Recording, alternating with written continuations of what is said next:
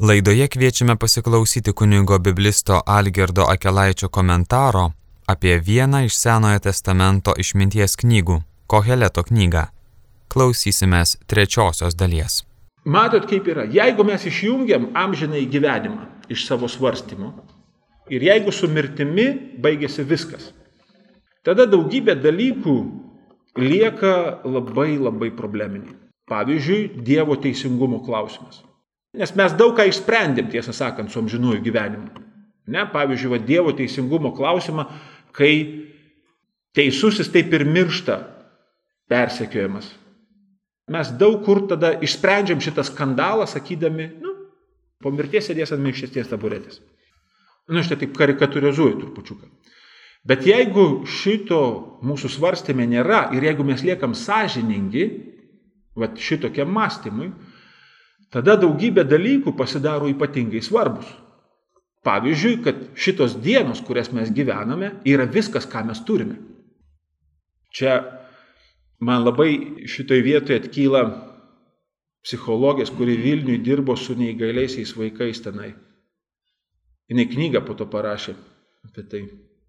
Tai ten jos vienas pokalbis yra su aklu berniuku, kur jinai sako tam aklam berniukui, sako, kaip tu manai, man sako, kaip tu manai, aš susiduriu, sako, su tokiu reiškiniu, kad vat, neįgalieji žymiai rečiau, kada aimanuoja dėl to gyvenimo, kurį gyvena, o vat, atseit sveiki žmonės, nu, tie, kurių neįgalumas netaip matomas yra, vat, jie labai dažnai laiko savo gyvenimo probleminiu, sako, nu, žinai. To berniuko atsakymas mane nušovė, žodžiu. Jisai sako, galbūt tie žmonės tikisi kažko tai daugiau. Ir jie nesupranta, kad nieko daugiau nėra. Tasme, kad šitas gyvenimas, kurį mes turim, yra viskas, ką mes turim. Žodžiu, man atrodo, kad tai yra teologija, po kurią galėtų pasirašyti koheletas, tai pirmų taikymų. Tai va čia mes pradedam svarstymą. Čia labai yra svarbi remarka, kad mes nepamirštumėm to, kad koheletas, anaip tol tai nereiškia, kad jisai nežino apie tokią idėją, kad galbūt po mirties yra dar gyvenimas. Tai anaip tol nereiškia, kad jis nežino šito dalyko, bet jis vienareikšmiškai šitą mintį atmeta, sakydamas ne, ne, ne, ne. Nepabėgim į komforto zoną. Jam tai yra labai svarbu. Jis galbūt to nepažįsta, bet panašiau, kad jisai žino apie tokią išeitį ir vis tik tai sako, kadangi tu apie tai nieko negali pasakyti, reiškia, tai net ir neveikia. Nes tu iš tikrųjų nieko apie tai negali pasakyti. Bandom skaityti. Nuo pirmos eilutės. Žodžiai Koheleto, sunaus Dovido, karaliaus Jeruzalėje. Kaip ten yra su, su tais Dovido sunumis karaliais Jeruzalėje? Kiek jis ten turėjo tų sunų, kurie karaliavo Jeruzalėje? Pirmasis jo sunus, kuris buvo karalius Jeruzalėje, yra Saliamonas. Po to po Saliamono Rehoboamas. Ir techniškai sakant, Dovydas turėjo tik vieną sūnų, kuris tikrai buvo karalius Jeruzalėje. Saliamonas. Viskas. Rehoboamas iš esmės jau nebebuvo viso Izraelio karalius Jeruzalėje. Na va, ir nuo pat pirmos eilutės šita knyga daro tokį trupučiuką tarsi vat, mėginimą pasakyti, autorius šitos knygos yra Saliamonas. Ar tikrai taip? Rimtas klausimas. Čia, ko gero, mes susidurėm su vienu iš tų atvejų, vat, kurį mes vadinam Biblijoje pseudoepigrafija. Tai reiškia, kad autorius, kuris pasirinko likti nežinomas, jisai savo kūriniui priskyrė kažkokio tai kito labai garsaus asmens vardą. Sakydamas, va čia tas žmogus parašė. Kodėl tai būtų daroma? Todėl, kad tai apsimoka abiem. Jeigu tai yra tikrai geras kūrinys, tada Saliamonui apsimoka, kad jis jį parašė.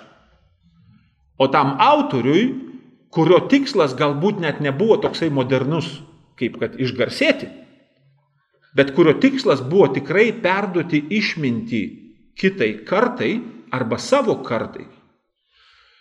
Jam Saliamono vardas pasitarnavo kaip leidimas tapti, pavyzdžiui, Biblijos knyga. Nes Saliamono autorystė yra rimtas mandatas tam, kad tu būtum priimtas į Biblijos kanoną. Bet jūs patys puikiai suprantat, jeigu Akelaitis čia ką nors pabliuznytų ir sakytų, čia šitą dalyką Saliamonas parašė, jūs sakytumėt, glušas tu, eik iš čia tik tai. Žodžiu, reikia dar gerai pavaryti prieš tai, kol galėsi pasakyti, kad čia Saliamonas pavarė. Ir labai įdomu, nes tai, sakau, tai pseudoepigrafija labai dažnai, jeigu tai įvyksta sėkmingai, pavyzdžiui, kaip kai kurios psalmės, ne, yra priskirtos Dovydui. Ir tas priskirimas prigijo. Nors ten galima atrasti masę kriterijų, kodėl tikrai nedovydas jas parašė. Jeigu tokia pseudoepigrafija prigyja, tai pirmiausia yra kokybės ženklas pačiam tekstui. Pavyzdžiui, žinote, ne, kad Pauliaus kai kurie laiškai yra ko gero ne paties Pauliaus rašyti. Reiškia pseudoepigrafija, taip? Bet tai įsivaizduokit, kokia kokybė tų laiškų. Jeigu juos jau tuo metu, kai ten buvo, ko gero, net visai aišku, kad ten ne Paulius parašė, vis tik tai buvo priimta laikyti Paulius laiškais. Oho, ne juokas tau. Čia rimtai yra. Beveik tas pats turbūt yra su Evangelijom. Žodžiu, kad tradicija taip sako, čia mato Evangelija, čia Luko, čia taip toliau, bet iš tikrųjų labai tikėtina, kad tai yra daugiau mažiau bendruomenių knygos. Ta prasme, kad tą tradiciją formulavo drauge visa bendruomenė. Ir jie pasirinko likti nežinomi, jie pasirinko likti anonimai, tie žmonės. Tam, kad ta knyga būtų autoritetinga. Nes mano autoritetas nieko nereiškia. Tai čia, ko gero, yra pseudoepigrafija. Tai, kad šita knyga sako, kad aš esu Saliamonas, kuris kalbu šitoj knygui. Tai turbūt yra toksai mėginimas trupučiuką nu, mat, pasakyti, kad galbūt, galbūt tai dėrėtų Saliamonui. Tai tradicijai tada kyla biški problema, kaip su Saliamonu suderinti tą skandalingą kalbėjimo būdą, mat su tuo išminčium Saliamonu. Ir pavyzdžiui, rabiniškoji tradicija, jūs turbūt žinote, ne? jie sako, kad Saliamonas per savo gyvenimą parašė tris knygas. Kai buvo jaunas, jis parašė giesmių giesmę. Kai jau buvo toksai brandus, tada jisai parašė patarlių knygą. Ir galiausiai, kai nuseno, jau vat, kai ten prasidėjo daug patystė, ten visą, na, na, na, žodžiu, vat, tada jisai jau tokioj biški sukriošus į savo senatvę įstojo ir parašė Koheleto knygą. Pats vardas Kahal reiškia susirinkimą. Tai reiškia susirinkimą, kuris susirinko tam, kad šlovintų Dievą. Ir todėl, vat, pavyzdžiui, lotyniškai buvo prisiūtas šitai knygai toksai pavadinimas ekleziastės. Nes žodis eklezija graikiškai reiškia bažnyčia. Žodžiu, tie, kurie iš pašaukimo suėjo. Ir, pavyzdžiui, lietuviškas pavadinimas kai kur jisai vadinama mokytojo knyga. Nes maždaug irgi taikoma į tai, kad bet reiškia čia tas, kuris surinko žmonės, reiškia tas, kuris kalba susirinkimu. Įdomiausiai tai, kad kohelet yra moteriškos giminės daiktavardis. Tai čia masė buvo irgi teorijų, kad čia gal moteris kalba, gal dar kažkas tai. Bet gali būti, kad šitas kohelet yra tiesiog pareigų pavadinimas. Pareigų pavadinimas ir kaip jūs žinot, kartais pareigų pavadinimuose, net lietuvių kalboj, mes vartojam tokius moteriškos giminės žodžius kurie naip tol nežymi, kad ten moteris dirba. Pavyzdžiui, vaivada arba viršila. Gramatiškai šitie žodžiai yra moteriškos giminės, nors ten naip tol nereiškia, kad čia moteris būtinai yra. Tai jau čia panašiai kohelet. Moteriškos giminės žodis, bet nebūtinai reiškia, kad čia moteris, galbūt tai labiau rodo, kad čia pareigos yra. Na va, tai čia tik titulas, o dabar pats tekstas. Pati pirma eilutė. Havel Havelim, sako Kohelet. Havel, Havelim, visa Hevel. Šitas žodis Hevel Koheleto knygoje sutinkamas 38 kartus. Joje yra 12 skyrių ir 38 kartus atsikartoja šitas žodis. Jis yra tematinis žodis Koheleto knygui. Tai yra žodis, kuris yra kaip raudonas siūlas per visą Koheleto knygą. Ir aišku, kad jo vertimas tada darosi be galo svarbus reikalas. Jūs matot, kada kelaitis net nesiryžo to žodžio išversti. Dar sakot, išversim ką nors, ne? Teisingai, gal ir aš nusensiu kaip Saliamonas ir tada, kai driokštelėsiu ką nors, žinai, tai. Žiūrėjau, trupučiuką pamėginkim pasigilinti, vad kaip čia su tuo žodžiu yra. Kokius jūs žinot lietuviškus vertimus tam žodžiui? Tuštybių tuštybė. Rūkų rūkas. Miglų migla. Blaškimas, sujeta, ne? Sujeta, sujet rusiškai. Dar yra toksai angliškai sako futility. Vat, žodis futile reiškia, nu, bergžės. Ne? Bergždumų, bergžduma. Žodžiu, tai yra labai įdomu. Todėl, kad mūsų lietuviški vertimai labai dažnai lūšta. Jeigu jūs pasimtumėt hebrajišką Bibliją, pamėgintumėt išsirinkti tas eilutes, kuriuose yra žodis Hevel, jūs pamatytumėt, kad pavyzdžiui, rūpšio tekste, kai kur vertėjui tą žodį netgi tenka praleisti ir jo neversti, nes, nu, nes niekaip ten rūkas netinka. Nu, nors tu ką. Ir migla irgi netinka. Nes kai kur ten Hevel žymi labai skausmingą tikrovę, labai tokia skausmingą patirtį, kur pasakymas, kad tai rūkas, tai būtų tik paguoda. Nu, nes maždaug tai reikštų, nu čia tik rūkas, praeis, žodžiu. A, a ne praeis, a ne. Bet tai yra hevel ir tai yra tiek nepaaiškinama ir tiek skandalinga, kad tai yra skausmas toje vietoje. Žodžiu, kadangi mes čia, taip sakant, su jumis neturim 15 valandų, aš pamėginsiu jums pasidalinti vieną išvalgą ir po to pasakyti, kodėl netinka. Žodžiu, išvalga labai graži ir man atrodo, kad jinai mums gali padėti suprasti turinį Bet kokį mes žodį parinktumėm, kad tą turinį išreikštumėm, nežinau, aš neturiu idėjų kol kas. Žodžiu, buvo toksai egzegetas, jo pavardė Fox. Jisai iškėlė tokią idėją, sakydamas, kad Hevel turinys, pagal tai, kokį turinį šitas žodis neša, toli pranoksta jo pirmykštę reikšmę. Nes šiaip žodis Hevel reiškia iškvėpimą. Vat, vat tai yra hevel. Vat tai, kas yra trumpalaikio, kas čia buvo ir vat praėjo. Ir to nebėra. Tai, kas neturi savy tvarumo, vat tai yra hevel. Labai įdomu, kad Kaino brolio vardas yra hevel. Nu, mes tai žinom, kad Abelis, ne? Bet jau čia sugraitintas tas vardas. O šiaip jo vardas yra hevel. Ir gali būti, kad tas autorius pasakojimo, nu, jisai nuo pat pradžių duoda tokį signalą skaitytojui, sakydamas, vad, Kainas turėjo brolį, kurio vardas laikinas, bet net netvarus, bet buvo ir praėjo. Labai įdomu. Žodžiu, šitas Fox, jisai sako, kad kai kur Koheleto knygoje mes niekaip negalime pritaikyti tiesiog, vat, kad tai kvapnis, kad tai kas praeina. Ne, sakau, čia Koheletui tai yra tam tikra koncepcija, tam tikra idėja, tam tikra kategorija. Ir jisai siūlo šitą žodį, turinį jo, versti žodžiu absurdas. Žodžiu, čia reikėtų biški pasiaiškinti, ką reiškia žodis absurdas. Ar žinot, ką reiškia žodis absurdas? Ką reiškia latiniškas žodis surdus? Žinot, kas yra surdologija? Su kurtumu, ne? Žodžiu, mokslas apie kurtumą, surdologija. Absurdus reiškia iš kurčio. Ir absurdas žymi tokį dalyką, kad veiksmo pasiekmes yra kurčios veiksmo priežastims.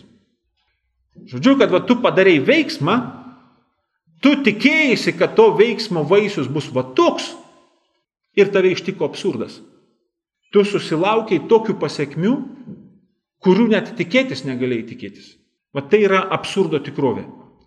Ir Koheletas meta iššūkį klasikiniai išminčiai, kuri sako, jog visa tikrovė yra desninga. Elkis šitaip ir tu susilauksi tokių pasiekmių. Koheletas meta šitai tradicijai iššūkį, vad savuoju Hevel. Jisai sako, ne, ne, visa tikrovė pažymėta Hevel. Visa tikrovė yra pažymėta absurdu. Mes stengiamės, mes elgiamės taip, kaip teisinga. Bet kokiu rezultatu mes sulaukiam? Argi visuomet vyksta viskas taip, kaip mes elgiamės? Ar visuomet viskas nutinka taip, kaip mes kad darėme? Ar tikrai egzistuoja tas automatinis ryšys tarp to, kaip mes pasielgėme ir kokiu pasiekmiu susilaukim? Buvo toksai filosofas pavardė Humas, apie kurį aš nežinau, ar yra parašyta doktorato tezė ar ne. Jeigu nėra, tai čia yra galinga tema, žodžiu. Tyrinėti Koheleto ir Humo filosofijos sąsajas. Nes Humas, būdamas filosofas, jisai teigia labai panašų dalyką. Sakydamas, kad jeigu tu išmetėjai į viršų obolį ir tas obolys nukrito ant žemės, tai čia nedėsnis. Čia tiesiog taip sutapo. Nes tu nežinai, Ir tai, man atrodo, yra labai labai rimta. Nu, čia aš tokią karikatūrą biškelį pasakiau. Ne, bet ta prasme, maždaug, aš jums pasakysiu biški netokį karikatūrišką pavyzdį.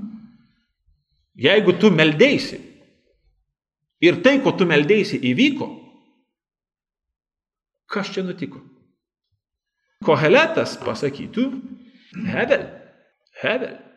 Tu nežinai, nes lygiai taip pat buvo tas, kuris meldėsi ir meldėsi ir meldėsi ir dar po to, kai nebeturėjo jėgų, vis tiek meldėsi ir viskas įvyko, bet ne taip, kaip jis norėjo. Jis meldėsi, o jį ištiko toks likimas kaip nesimeldžianti. O kitas rūpužė nesimeldė. Ir jam nutiko kaip tam, kurią mes įsivaizduotumėm, kad jis nugyveno Dievo baimingą gyvenimą. Koheletas sako, va tai yra Hevel. Jis šitą situaciją vadina Hevel. Tai va, tas Fox egzegetas, jisai sako, kad mes turim tokį žodį, vat, kategoriją tokie, sakom, absurdas. Pasiekmes yra kurčios priežastims. Vienas iš kito neseka. Jeigu ir susijungia mums kažkas į reikšminį ryšį, tai čia dar didesnis klausimas, kodėl tai vyko. Nes šiaip jau visa mūsų patirtis rodo, kad taip nebūna. Koheletas, žinot, ką sako apie tai? Jisai sako, kai eini į šventyklą, Tai nebūk kaip tie kvailiai, kurie ten šneka patys nesupranta ką. Tai čia net neaišku, ką daryti. Kaip ir nesako, kad neit. Bet ten nuėjus, ką daryti, tai kelias nelabai aišku. Iš tikrųjų, matot, kai mes dar tik pradedam skaityti, tai aš čia trupučiukai jums gadinu knygą. Aišku, kad nuo pat pradžių joks skaitytojas, skaitydamas pirmą kartą, jis negali suprasti va tokio turinio tame žodį. Aišku, kad jis pirmą kartą perskaitęs jisai supranta, nu, va, viskas yra laikina. Ne, laikina, laikina, laikina. Ir tik palaipsniui jam koheletas rodo, kad tai, ką tu galvoji, kad tai yra laikina, netvaru, tarsi nepatikima, iš tikrųjų tai yra toksai dėsnis, kuris persmelkia visus dėsnių dėsnius. Ir kad mūsų tikrovė tampa nesaugi. Bet šitą skaitytojas supranta Tik tai tada, kai gali jau pasakyti, perskaitęs visą knygą, va dabar aš suprantu, koksai tai yra, kaip žinote, egzegetai sako, neščias žodis. Ne, tai reiškia, žodis, jisai iš išorės kaip ir smauglys, o viduj pas jį dramblys. Ne, va, kaip tas Antuano desentė egzuperytė, visi uždari ir atviri smaugliai, žodžiu. Va, tai egzegezijai mes vadinam to žodžiu, sakom, neščias terminas. Ne, va, jis iš išorės reiškia kažką panašaus, va, kvėptelėjimas, Tada gal net nelabai klysta tie, kurie čia verčia migla, rūkas, va tai, kas praeina. Bet turinys to žodžio Koheleto knygoje yra labai labai galingas. Ir vis tik mes jo negalim versti žodžiu absurdas, todėl kad Koheletas nežinot nežinojo tokios kategorijos kaip absurdas. Prasme, tai yra per daug modernus žodis ir jis kartu yra per daug vakarietiškas. Koheletas nežinot nežinojo. Bet gali būti, kad turinys, kurį jisai tame žodėje sudeda, vat, artėja prie to, ką mes vadinam šiandien absurdu. Todėl vertimo nežinom, galbūt jau galim numanyti, ką ta žodis reiškia. Todėl aš jį palieku hebrajiškai, žodžiu. Ką norėsit, tą įsirašysit. Žodžiu, žiūrėkit, jisai sako Havel Havelim, tai reiškia absurdo absurdas. O tai reiškia aukščiausias absurdo laipsnis. Juk mes turim tokius pasakymus, nesakom dievų dievas. Reiškia, jau už jį aukščiau nieko nėra. Arba sakom gesmių gesmė. Tai reiškia, kad nieko daugiau nėra, kas yra vertas vadintis giesme greta šitos giesmės, nes čia jau yra giesmių giesmė. Tai yra vat, aukščiausias šito absurdo laipsnis. Žodžiu, prieš šitą absurdą nebėra kito didesnio absurdo.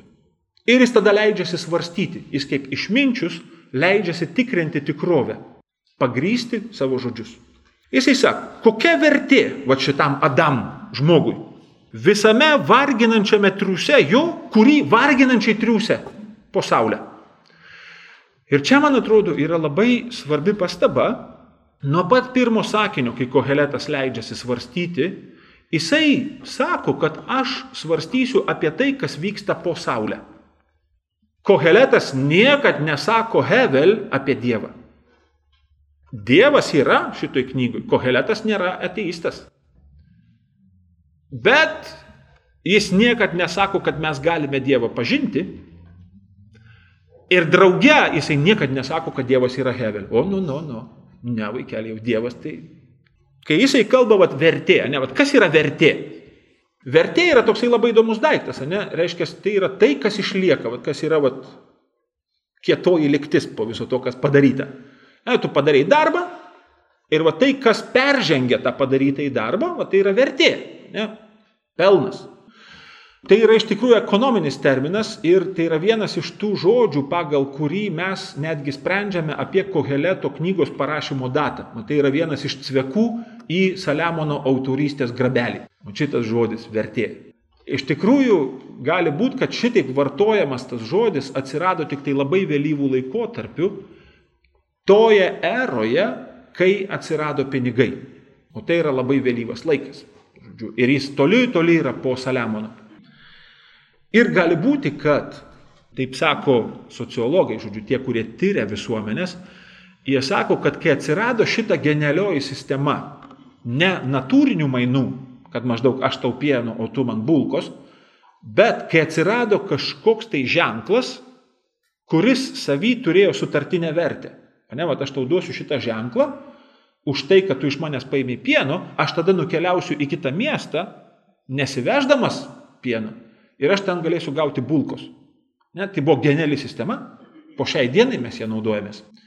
Ir atseit, kad tai buvo toks ažiotažas ano meto visuomeniai, kad visiems buvo nučiuožę stogai. Nes visuomenė labai stipriai praturtėjo tuo metu.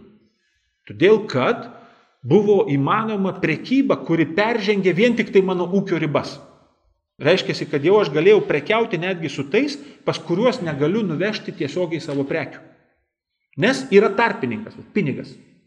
Ir viena iš tokių teorijų yra, kad Koheletas leidžiasi kalbėti tuo žodynu, kuris vyravo jo laikais, mėgindamas parodyti, kad tikrovė yra kur kas gilesnė. Ne, vat jūs vertę vadinat pinigus, o jeigu mes tą klausimą iškeltumėm žymiai gilesniu būdu. O ką jeigu vat, visas mūsų gyvenimas yra kaip darbas? O mirtis viską užbaigia Kur tada pelnas? At jūs čia visi pamišę dėl pelno, ne, vat jo kartos žmonės. Kur pelnas tavo gyvenimo? Bėgdamas iš dienos į dieną gali galvoti, kad gyveni sėkmingai, bet iškelk klausimą apie visą savo gyvenimą kaip varginantį triusą, kurį tu triusi pasaulio. Kur šito pelnas? Net mes krikščionys nesugebame šitą klausimą atsakyti. Mes šitą pelną perkeliam anapus mirties. Bet koheletas sako šiukštu, nes tu nežinai. Taip kalbėti yra nesažininga. Baisu. Žiūrėkit, koks jos svarstymas yra. Jisai sako, karta eina ir karta įeina. Reiškia, kartos keičiasi. Viena įeina į sceną, šitą išeina, vėl kita karta, žodžiu, kartos keičiasi. Ir žemė amžiais stovi. Ta pati. Ne, mes Kiekviena karta turi savo darbus, mes keičiam žemės veidą. Tikrai, jūs pagalvokit, kaip šiauliai atrodė prieš kokį 50 metų. Koheletas sakytų, nu ir kas? Pažiūrėkim po tūkstančio metų į šiaulius. Kiekviena karta bus kažką keitusi, keitusi, keitusi, vis tiek tai bus tas pats. Koheletas žiūri labai plačių žvilgsnių ir sako, Šitas triusimas, jis atrodo veiklus ir rezultatyvus tik tol, kol mes žiūrim labai prisikišę. Bet jeigu pabandom pasižiūrėti plačių žvilgsnių, viskas yra užsisukę didžiuliai ir gazdinančioj monotonijoje. Nes triusiam duodamės, bet iš tikrųjų tai yra pelė, kuri triusia ir duodasi rate. Jūs žinote, ne, kad biblinis pasaulė vaizdis yra pažymėtas kryptiniu laiko suvokimu. Ne, žodžiu, kad pasaulis turi pradžią ir pasaulis turi pabaigą. Tai yra tam tikra tiesė, nu arba kažkoks tai spiralė, nežinau. Koheletui ne. Koheletas sako, mes gyvename rate. Ir judėjimo į priekį iliuzija tik ir yra iliuzija. Nes tai, kas buvo ir vėl bus. Pamatysit tekste. Žiūrėkit. Penkta eilutė. Ir kyla saulė ir įeina Saulė. Ne? Čia buvo kartos, kurios ateina ir išeina. Jis sako, žiūrėkite į Saulę, ne? jinai vat, irgi ateina ir išeina. Ir į vietą jos dusuodama kyla ji ten. Žodžiu, nes kaip supratimas yra pagal biblinį pasaulį. Taip, žodžiu, Saulė bėga kaip galiūnės kliautų ir jinai tenai kažkur nusileidžia. Taip, tai kaip dabar jinai kitą dieną išlenda vėl čia? Biblijoje nėra planetos, prisimenate, ne? Biblijoje Žemė nėra planeta. Biblijoje žemė yra skliautas, kuris atskiria viršui bedugnius vandenis nuo bedugnių vandenų apačioj. Žodžiu, tai yra tas pirmykštis vanduo, kuris yra kaip monstras, pražiodytas Dievu ir jam įdėtas kliautas tenai. Čia po apačia tuose vandenyse Dievas sutelkė tos vandenys į vieną vietą ir padarė, kad pasirodytų sausuma. Ir tada prie tos kliauto jis pritvirtino ten saulę, minulį, žvaigždės, o čia padarė, kad išauktų augmenyje ir žmonės. Tai yra biblinis pasaulis, ne planeta. Ir todėl yra didžiulis klausimas, kaip ta saulė, kuri nubėgo šitam skliauto krašte, kaip jinai kitą dieną išlenda tenai. Todėl biblinis supratimas yra, ką veikia saulė, iš tikrųjų yra labai dinamiškas. Ta prasme, kad kita diena anaip tol nėra dėsnis ar duotybė. Kita diena yra laimėjimas, nes reiškia, kad saulė visą naktį ėjo grundamasi su povandeniniais slibinais ir monstrais, kurie kėsinasi ją praryti. Ir jinai nugalėjusi, kitą rytą pergalingai išlenda, sakydama, aš čia vėl. Todėl Koheletas sako, jinai puškuodama skuba saulė. Ne, jinai ateini čia, žinai. Tai yra labai dinamiškas supratimas tikrovės. Ir vis tik tai Koheletui tai yra ciklas, kuris yra užsuktas Šešta eilutė eina į pietus ir sukasi į šiaurę. Galvotumėm, kad čia vis dar apie Saulę, ne, nes Saulė, bet Saulė į šiaurę neina. Kaip čia dabar gaunasi, ne, Saulė šiaurėje nebūna. Sukasi, sukasi, eidamas vėjas ir ant sukimusi jo grįžta vėjas. Vėjas, kuris niekada nėra pastovus, jisai visuomet keičiasi, jis visuomet juda, jis toksai yra judesio simbolis. Ir vis tik tai jisai nuolat grįžta. Jis nuolat grįžta į tą patį savo sukimąsi ir nieko nėra pastovesnio kaip vėjo sukimasis. Visos srovės eina į jūrą, bet jūra, ji nepilna, ją viskas teka, ją nuolat pildo, tai yra, nu, atrodo, nu, vieną kartą, susiema. Aini per amžius nepilna. Į vietą, kur srovės eina, ten jos grįžta vėl eiti. Ne, neša, neša tą savo Vilnis, skuba, skuba, o galiausiai jos yra gražinamos atgal ten, kur išėjo, tam, kad vėl eitų. Visi dalykai varginantis, negali niekas jų biloti, nepasotina akis matyti ir nepripildo ausis girdėti. Jisai ima pačias greičiausias jūsles - rega, kuri niekada nesilsi, ir klausa, kuri iš vis net neturi filtro. Ne, jūs žinot, ne, kad mūsų ausis jos neturi filtro, mes pirmiau išgirstam, tik tada nusprendžiam, nu, ar klausyti ar ne. Ir sako, mes nuolat matom, mes nuolat girdim, bet tai mūsų nepasotina, mes nenustojam matyti ir nenustojam regėti. Džiu, kaip ir matom, girdim, bet tai niekuomet nesibaigia. Ir ta prasme, koheletui tai yra bergždžia, nes tam nėra galo. Kas yra tai, kas buvo, tai yra tai, kas bus.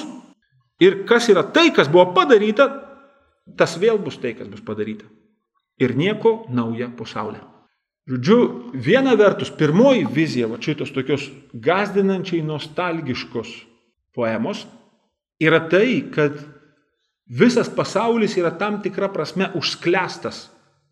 Jis viduj krūta ir dėl to gali susidaryti tam tikro judėjimo pirmin iliuzija, bet iš tikrųjų tai yra baigtinis judėjimas. Jis niekur jokios vertės neuždirba, kas išeitų už jo ribų. Bet gali būti, kad čia dar yra gilesnė mintis. Nežinau, ar jūs prisimenat kokį nors labai rimtą naujumą, sakykime, Naujajam testamente, vat, apie ką Naujajam testamente yra sakoma vat, nauja. Ar žinot kokį nors dalyką, apie kurį sakoma vat, nauja? Jo, Jėzus sako, ne, naujų vynmaišių reikia. Ir jūs puikiai suprantate, ne, kad čia visai ne apie vartojimo stažą vynmaišio eina kalba. Jėzus sako, aš esu tokia naujiena, kokios nėra buvę per visą istoriją. Aš esu tokia naujiena, kuri yra kokybiškai nauja. Man nieko seno, kas buvo iki manęs, nepriklyjuosi. Tada kalba apie drabužį. Ne? Kur sako, jeigu jūs pamėginsit manimi naujų lopų, man Jėzus vadina save lopų, sulopyti seną drabužį, aš tokią skylę išplėšiu jums kad jums maža nepasirodys. Kol galiausiai, aišku, pats didingiausias tas naujumas tai yra apreiškimo knygos pabaigoje. Štai aš darau naują dangų ir naują žemę. naujoji Jeruzalė, naujoji šventikla. Ir tai nėra ta pati šventikla tik nauja. Ne, ne. Tai, kas buvo, praėjo. Štai visa nauja. Ką sako Koheletas? Sako, nicht. Gali būti, kad jisai čia atmeta bet kokią apokalipsės galimybę. Ta prasme, kad jisai per apokaliptinį žodyną, nes naujumas yra labai apokaliptinis žodis, toks žodis, kuris kalba apie tą Dievo nuosprendį, kurį jisai įvykdys visai tikroviai ir galiausiai teisiesiems bus atlyginta, o nedoreliai bus nubausti kartą ir visiems laikams. Koheletas sako, nieko nėra nauja po saulė. Ir kadangi jisai svarsto apie tai, kur mes gyvenam po saulę, man atrodo, kad jo sakymas yra be galo sąžiningas. Jisai sako, šnekėt apie tai, kas nauja. Mes galim O kas iš to? Tai yra tik tai šnekos, nes to, kas yra nauja, čia mes nepatiriam. Viskas, ką mes patiriam, tai yra nuolatinis ciklas ir nuolatinis grįžimas į tą bauginančią monotoniją, kurios yra dar didesnė iliuzija. Nes mes tiesiog pradėjom judėti didesniu greičiu ir dėl to tik dar skausmingiau patiriam, kaip mes stovim vietoj. Kur mus nuvedė technologijos? Į kairę. Čia man vienas studentas sakė, kairėn, sakė pas. Žodžiu, ką aš bandau pasakyti, kad e, aš suprantu, kad jūsų krikščioniškosios šaknys šitai vietai klykia, ne? Leiskit, leiskit aš pasakysiu. Ramiai. Ramiai. Jėzui yra savas laikas. Ir man atrodo, kad šitas koheleto svarstymas mums krikščionims yra be galo reikšmingas. Nes Aš nežinau kaip jūsų bažnyčiose, bet toj bažnyčiai, į kurią mane pakrikštijo, aš matau dažnai tam tikrą atsainumą. Kadangi bus amžinasis gyvenimas, tai iš esmės ir tam, kuriam šalia manęs blogai, tai aš galiu kaip ir ne visai kreipti į jį dėmesį, nes vis tiek jam bus po to gerai tai praktiškai tos jo problemos gal dabar spręsti visai net ir nereikėtų. Nu, ta prasme, gal reikėtų, bet ar čia dabar mano reikalas? Žodžiu, tokio atsainumo, vat, neatsakingumo už tas dienas, kurios eina viena po kitos. Ir jos niekur negryž. Ir tos dienos yra visos dienos, kurias mes turim. Ir šitokių dienų mes daugiau nebeturėsim. Šią prasme, man atrodo, kad koheletas jisai labai labai kalba stipriai sakydamas, kad šita tikrovė, jinai yra vat, man tikrovė, kad jinai neina pro šalį. Bet kita vertus, greta to, man atrodo, net šitoj poemoje galima labai aiškiai užčiuopti tokį rimtą, rimtą palengvėjimą. Kad tai, kas vyksta, netgi visai va šita tokia gazdinanti monotonija visos kūrinijos, tam tikra prasme Tai vyksta ne dėl manęs. Aš čia esu pakeleivis. Visa tai vyks ir gerokai, gerokai po manęs. Ir galiausiai tai vyko turbūt gerokai, gerokai prieš mane. Šitą monotoniją aš ją patiriu labai skausmingai. Dėl to, kad aš ilgiuosi tos vertės, kurios ko gero nebus. Bet tam tikrą prasme gali būti, kad koheletas sako, Biškiai atpalaiduok raumenys. Kuo tu toks įsitempęs? Visa tai jau vyko. Ir visa tai dar toliau vyks. Ir tai yra Hevel. Suprantu, kad tu norėtum vertės. Gal netgi tu jos tikėjai. Bet prisimink vaikeli, tu gyveni pasaulyje, kuris yra pažymėtas Hevel ženklu. Viskas buvo ne taip, kaip tu tikėjai ir ko gero priekyje vis dar tavęs laukia, kad bus ne taip, kaip tu tikėjai. Klausėmės kunigo biblisto Algirdo Kelaičio komentaro apie vieną iš Senojo testamento išminties knygų - Koheleto knygą. Klausėmės trečiosios dalies. Likite su Marijos radiju.